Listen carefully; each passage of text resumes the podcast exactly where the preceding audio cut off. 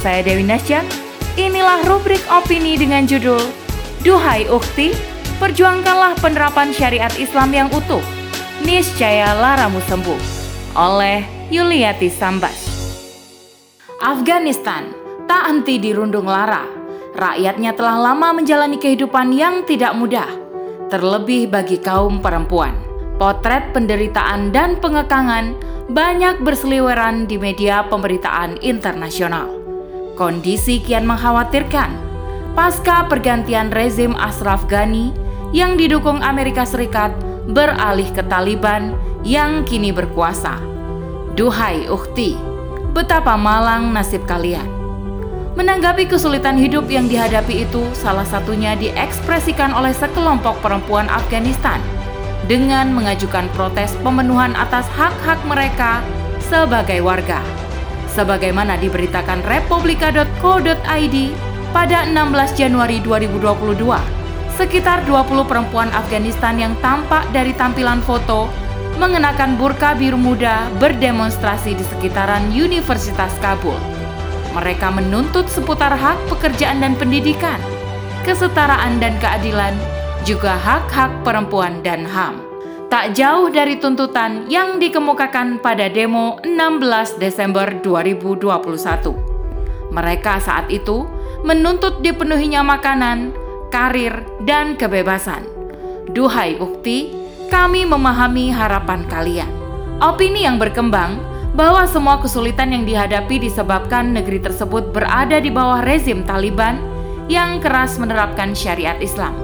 Benarkah demikian? Sesungguhnya Afghanistan telah lama lara, terhitung sejak dikenal dengan sebutan negara perang, mulai dari peperangan melawan kerajaan-kerajaan besar di masanya pada kurun sebelum Masehi, masuk abad ke-19 Masehi, Afghanistan menghadapi pendudukan kekuatan asing secara bergantian, mulai Inggris, Soviet, dan Amerika. Yang terpanjang adalah peperangan antar klan. Semuanya menguras cucuran keringat, air mata, bahkan darah. Ukti, semua pertempuran tentu berbuah derita yang berkepanjangan bagi rakyat. Jatuhnya korban nyawa tak terhitung banyaknya baik dari kalangan penduduk sipil maupun milisi. Kondisi keamanan yang tidak baik menghasilkan banyak warga berdiaspora ke berbagai negara. Bagi warga yang memilih atau tak punya pilihan kecuali bertahan di dalam negeri, mengalami kehidupan yang sangat sempit dan dipenuhi hari-hari yang menakutkan. Malam-malam tak dilalui dengan tidur nyenyak. Perut mereka telah terbiasa dengan rasa lapar dan haus yang berkepanjangan Bahkan, tak sedikit yang hingga meregang nyawa tersebabnya. Data mengungkap bahwa lebih dari separuh populasi Afghanistan berada pada kondisi kelaparan akut. Hampir 9 juta penduduk lainnya dinyatakan mendekati kelaparan. Itu semua dirasakan, baik oleh lelaki atau wanita, dewasa, dan anak-anak. Ukti, kemalangan itu menimpa semua kalangan, bukan hanya dirasakan oleh kaummu saja. Bagi para lelaki, banyak yang syahid di medan pertempuran demi mempertahankan diri, keluarga, atau mengusir musuh asing agar segera angkat kaki dari negeri tercinta. Tak sedikit dari para perempuannya menjadi janda, kehilangan suami, keluarga, kerabat, bahkan anak di medan perang. Beban perempuan Afghanistan menjadi bertambah ketika mereka harus berjuang menghidupi diri dan anak-anak yang ditinggal suami, juga para wali mereka. Di saat yang sama, para perempuan menjadi rentan terhadap perkosaan. Sungguh berat hari-harimu, duhai ukti dan akhi. Infrastruktur yang ada demikian buruk, sementara sumber daya alam, manusia dan lainnya pun tampak tidak tergali dengan optimal. Semua tak lain disebabkan ketidakstabilan negara dalam semua periode rezim yang ada, baik masa di mana Afghanistan berada di bawah pendudukan Inggris, kemudian beralih pada rezim mujahidin yang berhasil mengusir Inggris dengan mendapat sokongan Amerika Serikat dan Pakistan, hingga bandul kekuatan beralih pada Taliban yang pada periode pertama berkuasa sempat mendapat simpati rakyat yang telah bosan dengan ekses dari rezim mujahidin. Maka ukti, kian jelaslah peperangan yang menyebabkan negerimu porak-poranda. Sejarah kelam Afghanistan tak terhenti sampai di situ. Pelaksanaan syariat Islam yang tidak utuh oleh rezim Taliban, alih-alih memberi pengayoman dan pengurusan terbaik atas warga, yang terjadi justru instabilitas kian menjadi. Ditambah dengan didikan sosialisme komunis ketika kolonial Soviet menginvasi. Juga modernitas liberal ala barat yang disuntikan penjajah Inggris dan Amerika Serikat kepada benak-benak anak negeri. Hal itu berhasil mengaburkan kemurnian pemikiran mereka. Pemberlakuan syariat pun dipandang keburukan dan disalahartikan. Penerapan beberapa hukum pergaulan misalnya, ketika berhubungan dengan perempuan, dicitrakan sebagai pengekangan dan ketidakadilan. Padahal ukti, jika ada kebijakan yang mewajibkan kalian menutup seluruh tubuh indahmu, sungguh itu dalam rangka penghormatan. Di saat syariat memberi pengaturan aktivitas perempuan terkait wilayah domestik dan publik, itu demi memuliakanmu. Biarlah ranah bekerja dan mencukupi nafkah atas diri kalian menjadi kewajiban para lelaki, suami, atau mahrammu, meski agama tak mengharamkanmu bekerja Ketika Allah menetapkan bahwa engkau hanya boleh bepergian sejauh perjalanan sehari semalam disertai suami atau mahrammu, itu untuk keselamatanmu. Sungguh, Allah menyayangimu dengan ketetapan syariatnya. Namun, nyatanya Afghanistan masih setengah-setengah dalam pelaksanaan syariat.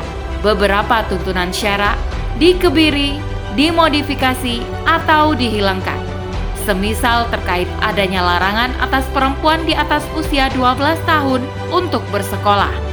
Juga ketika perempuan dibatasi akses untuk bekerja dalam ranah yang masih diperbolehkan syarak, semisal menjadi kepala sekolah atau pemimpin di lembaga pendidikan, atau ketika pemberlakuan syariat yang tidak ditopang oleh terlaksananya syariat lain justru memunculkan ekses negatif yang menghimpit rakyat. Baka Posi salah satunya. Itu adalah potret buruk gagalnya negara mempersembahkan stabilitas negeri dan kesejahteraan bagi rakyat.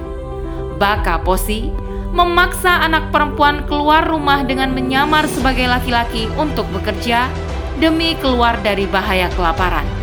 Juga sebagai jalan agar dapat mengerjakan beberapa aktivitas laki-laki lainnya demi menghindari pelecehan dan pemerkosaan yang kerap mengintai keselamatan para perempuan Afghanistan.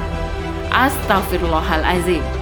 Contoh lainnya adalah fakta bahwa pemerintah Afghanistan masih tunduk pada negara kafir asing. Tampak jelas ketika kelompok mujahidin dahulu menerima uluran tangan dukungan dari Amerika untuk mengusir pendudukan Uni Soviet.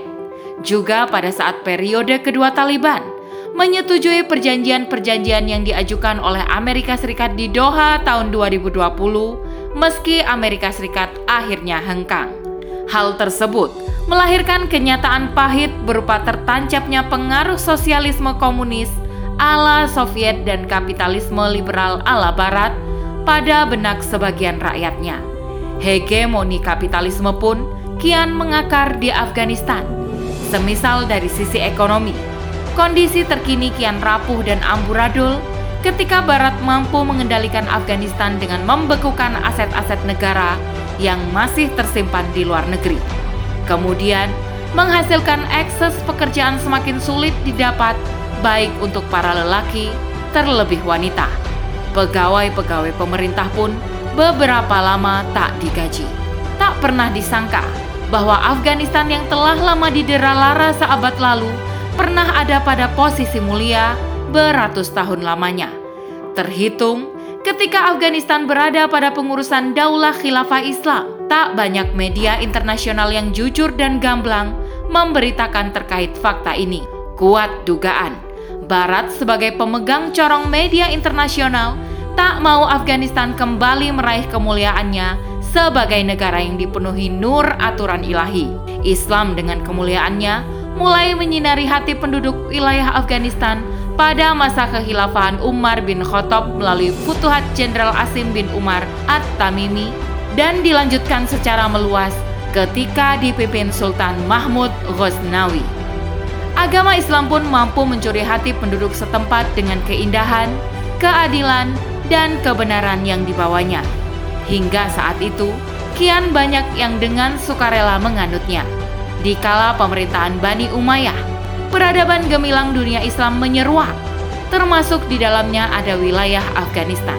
Sakofah agama ilmu pengetahuan dan teknologi semakin berkembang pesat.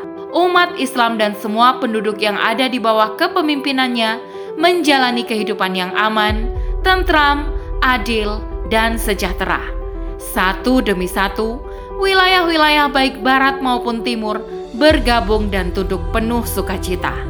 Meliputi Afrika Utara, Palestina, Spanyol, Irak, Suriah, Semenanjung Arabia, sebagian wilayah Asia, Persia, Pakistan, Uzbekistan, Turkmenistan, Kirgistan, tak terkecuali Afghanistan. Kepemimpinan Islam yang berjalan dibimbing oleh wahyu menjadi rahasia keberhasilan daulah khilafah Islam mampu menjalankan roda pemerintahan dengan baik dan gemilang.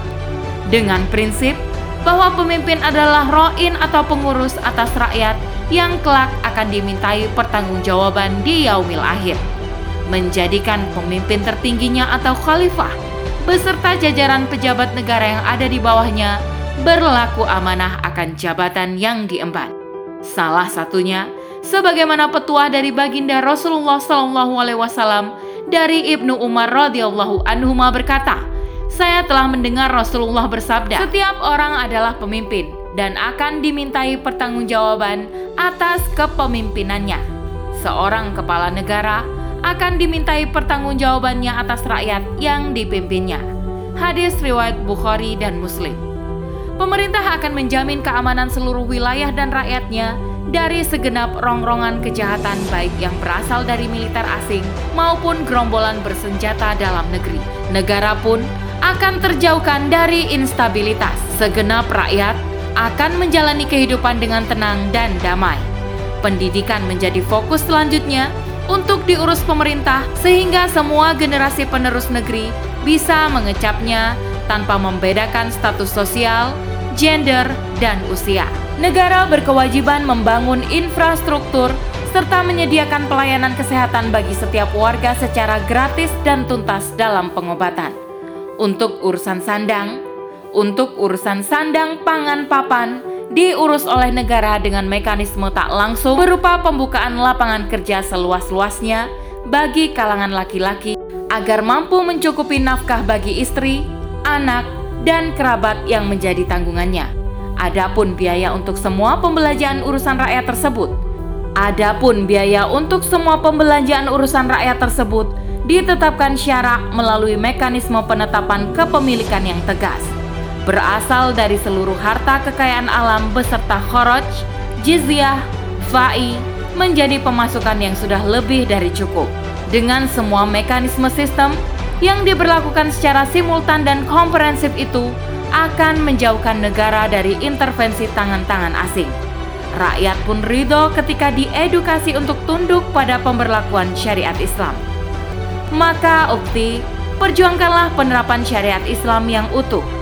Niscaya laramu akan sembuh. Sebaliknya, memperjuangkan karir dan kebebasan ala barat hanya akan menjatuhkanmu pada jurang kehinaan. Wallahu a'lam.